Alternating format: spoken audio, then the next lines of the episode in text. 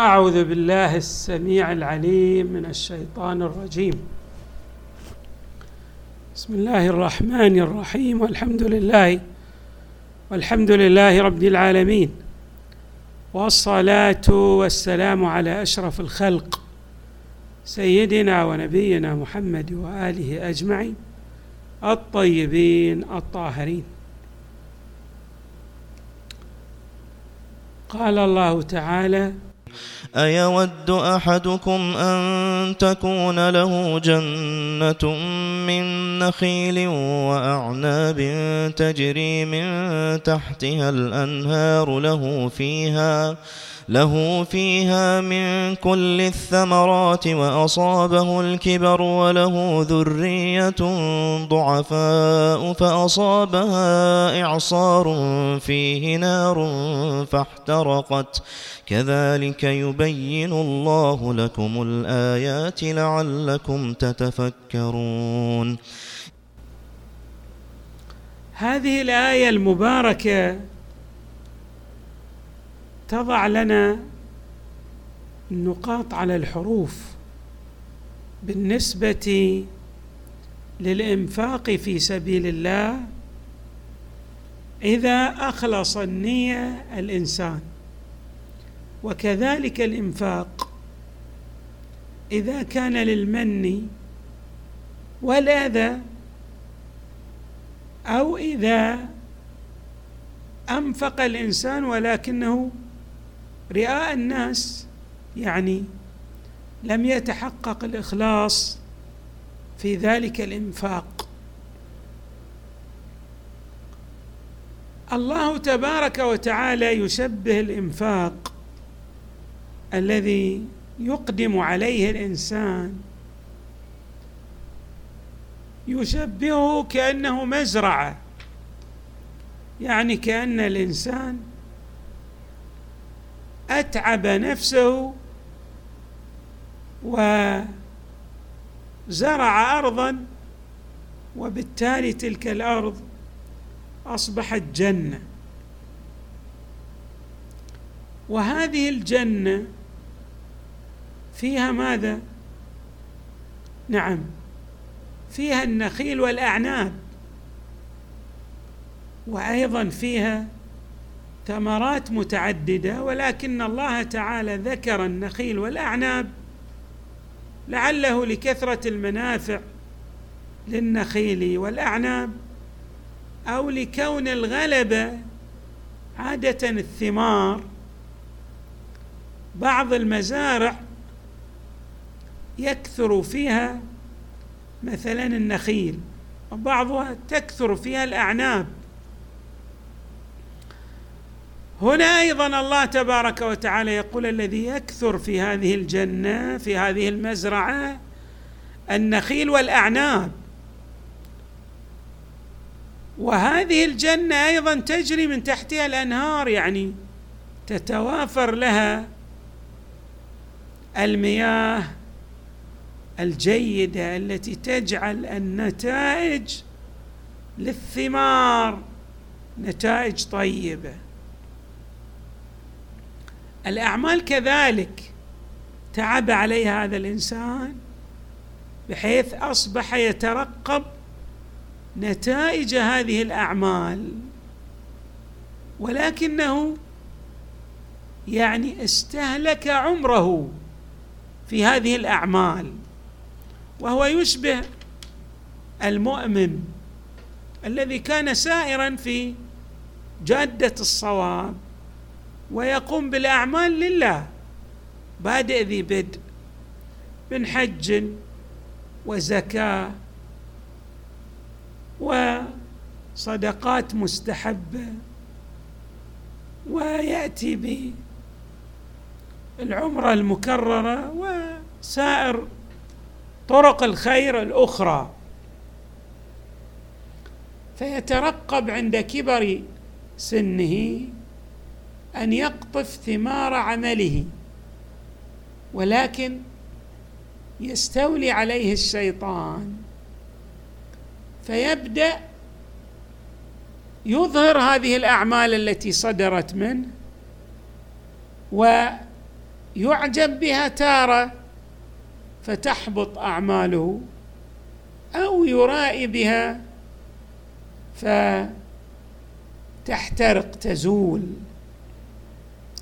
يصبح لا فائدة مرجوه فيها ومنها. وبالضبط كالشخص الذي أتعب نفسه وبذل عمره في تهيئة مزرعة ضخمة فيها النخيل والأعناب وتجري من تحتها الأنهار وفيها الثمار المتعددة ولما أدركه الكبر يعني وصل إلى السن المتقدمة له ذرية. نحن نعرف أن الذرية على أقسام. بعض الذرية تكون مكتفية لا تحتاج إلى إعانة الأب. يعني كبيرة راشدة يتوافر لديها المال. وبعض الذرية قد تكون ضعفاء وقد يكون بعض منهم من المرضى. فهذه الذرية الضعيفة التي بحاجة إلى مساعدة الأب للإنفاق عليها ورفع العوز والحاجة التي تعتريها. لكنه هذا الأب يعتمد على هذا البستان على هذه المزرعة على هذه الجنة. وفي حال اعتماده وإذا يصاب بهذه المصيبة يأتيها إعصار. يعني هذه الريح القوية التي يلتف بعضها على بعضها الآخر. ولكن هذا الإعصار ليس فقط يدمر هذه الجنة هذه الحديقة هذه المزرعة وإنما أيضا يحرق هذه المزرعة لأن في الإعصار نار. يعني الإعصار هو بحد ذاته كاف لتدمير المزرعة. ولكن هذا لا يدمرها فقط وإنما يقضي عليها بإحراقها. ولذلك يقول فاحترقت. عندما يأتي الله تبارك وتعالى بهذا المشهد أيضا يريد أن يلفت نظر العاقل الذي جاء بالأعمال الطيبة والخيرة أن لا تضيع من بين يديه في حال احتياجه الشديد اليها عندما ينتقل إلى عالم الآخرة ويكون العمل الصالح هو الزاد الذي يلاقي به ربه ليحصل على جنات عرضها السماوات والأرض ورضا الله تبارك وتعالى. ذلك الله تبارك وتعالى يقول فاحترقت. كذلك يبين الله لكم الآيات لعلكم تتفكرون. التفكير في الحقيقة عملية ماذا؟ نعم. عملية مراجعة دقيقة لما يصدر من لدن الإنسان من أعمال متعددة وهل أن هذه الأعمال التي جاء بها وهو يريد بها الله تبارك وتعالى استطاع أن يحافظ عليها كما جاء بها من ناحية؟ يعني حافظ على تثبيتها كما عبرت الآية السابقة. نعم وتثبيتا من أنفسهم الآية السابقة. يعني داوم على الإخلاص وكان همه هو الحصول على مرضاه الله تبارك وتعالى. وليس التفاخر بين الناس أو العجب بالعمل أو المن والأذى بسبب ما أنفقه في طريق الله تعالى. اذا هذه الآية المباركة تشير إلى هذا الأمر. أيود أي أيحب أحدكم أن تكون له هذه المزرعة الممتازة التي فيها النخيل والأعناب وسائر الأشجار بالثمار المتعددة. وقد والأنهار تجري يعني وفرة المياه في هذه المزرعة وهو في حال كبر سنه ويعلم أن ابناءه بحاجة إلى هذا المال الذي أتعب نفسه في حياته المديدة ليضمن المستقبل لأبنائه. ولكن تلك الأتعاب ذهبت أدراج الرياح. لماذا؟ لأن ما حدث من الإعصار وهو الريح القوية التي تدور وتتحرك وتلتف لتدمر ما تمر به وعليه. هذه هذا الإعصار إحنا الآن نرى الأعاصير يعني شبكات التلفزة تنقل لنا الأعاصير من أقاصي البلدان التي تصيبها ونرى التدمير الهائل الذي تحدثه هذه الأعاصير. اذا الله تبارك وتعالى يلفت انتباهنا إلى ما تحدثه هذه الرياح القوية الملتفة التي يطلق عليها بالإعصار. بالإضافة إلى ذلك أن هذا التدمير كأنه تدمير مكرر. يعني قد يتصور بعض أن الإعصار إذا مر قد يبقي قد يذر قد لا يدمر كل شيء. ولكن لما يقول فيه نار فاحترقت يعني هذا الإعصار كما نعبر لا يبقي ولا يذر كانه يدمر تدميرا مكررا. ولهذا على الإنسان أن يفكر في مستقبله الأخروي كما يفكر في مستقبل أبنائه ويبذل قصارى الجهد من أجل ماذا؟ توفير الرزق الكريم لأبنائه. ولكن قد تأتي الأحداث بما لا يشتهيه غير أن الله تبارك وتعالى يبين لنا بأن من عمل صالحا وكان مخلصا لله يعني كان الإخلاص هو الباعث والمحرك والغاية من عمله أنه لا يبتغي غير رضا الله تبارك وتعالى.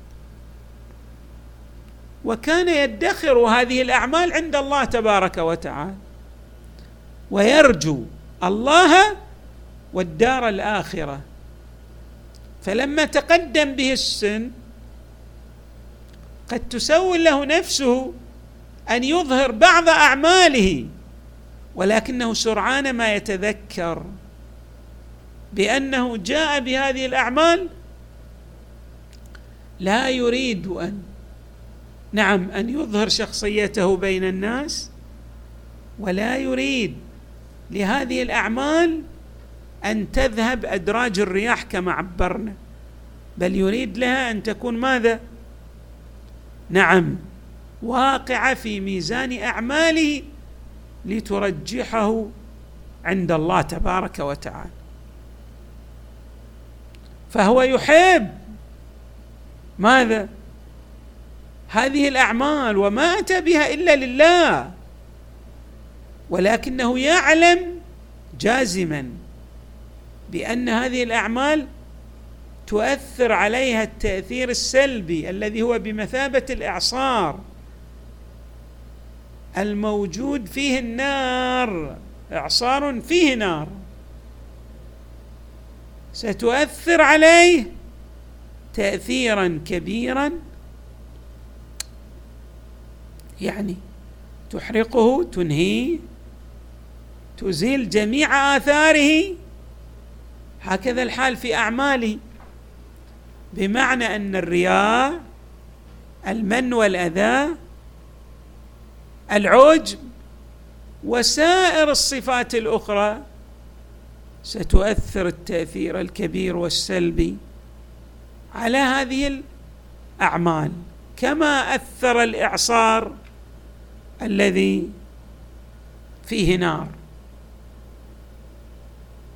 ما أروع هذا المشهد القرآني الذي يذكر الإنسان من ناحية ولعل التمثيل بالذرية الضعفاء لأن الإنسان يعني أكثر ما يحبه في هذه الحياة هم أولاده.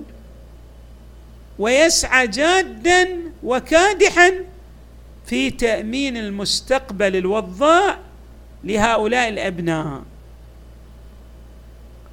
يسعى بقدر ما أوتي من قوة وتوافرت لديه القدرات أن يحافظ على مستقبل هذه هؤلاء الأبناء. وعندما يرى أن المستقبل لهم قد طار من بين يديه يعض على يديه. ماذا؟ بالندى. يعني يصبح في حالة يرثى لها كما نعبر لأن جميع ما ادخره لهم ما استثمره من أجل مستقبلهم. الوضاء كما عبرنا قد طار من بين يديه وكأنه حلم مر عليه ثم ارتحل. اذا ما أروع هذا المثال أو المشهد الذي يعرضه لنا القرآن الكريم ويعطينا من خلاله الدرس الجميل الذي يحفزنا على التفكر فيما يصدر عنا ومنا وعلى المحافظة على ما يصدر عنا ومنا لئلا يذهب سدى. أنت قد تتعب على العمل ولكن هذا التعب لا يؤدي إلى النتيجة المرجوة والمطلوبة. نسأل الله تعالى أن يجعل أعمالنا خالصة لوجهه. لا يصحبها المن والأذى أو لا يعقبها المن والأذى ولا يقترن بها ما يشوبها من الكدورات المعنوية التي هي بمثابة الإعصار المحرق لها. فنأتي يوم القيامة ونرى أن لا نتيجة لتلك الأعمال. التي أتعبنا أنفسنا في المجيء بها وكنا ننتظر الكرامة من الله وإذا بنا نرى أنه طارت تلك الأعمال من بين أيدينا في زمن أو في مكان وهو القيامة نحن أحوج ما نكون إلى تلك الأعمال الصالحة. والحمد لله رب العالمين. وصلى الله وسلم وزاد وبارك على سيدنا ونبينا محمد وآله أجمعين الطيبين الطاهرين.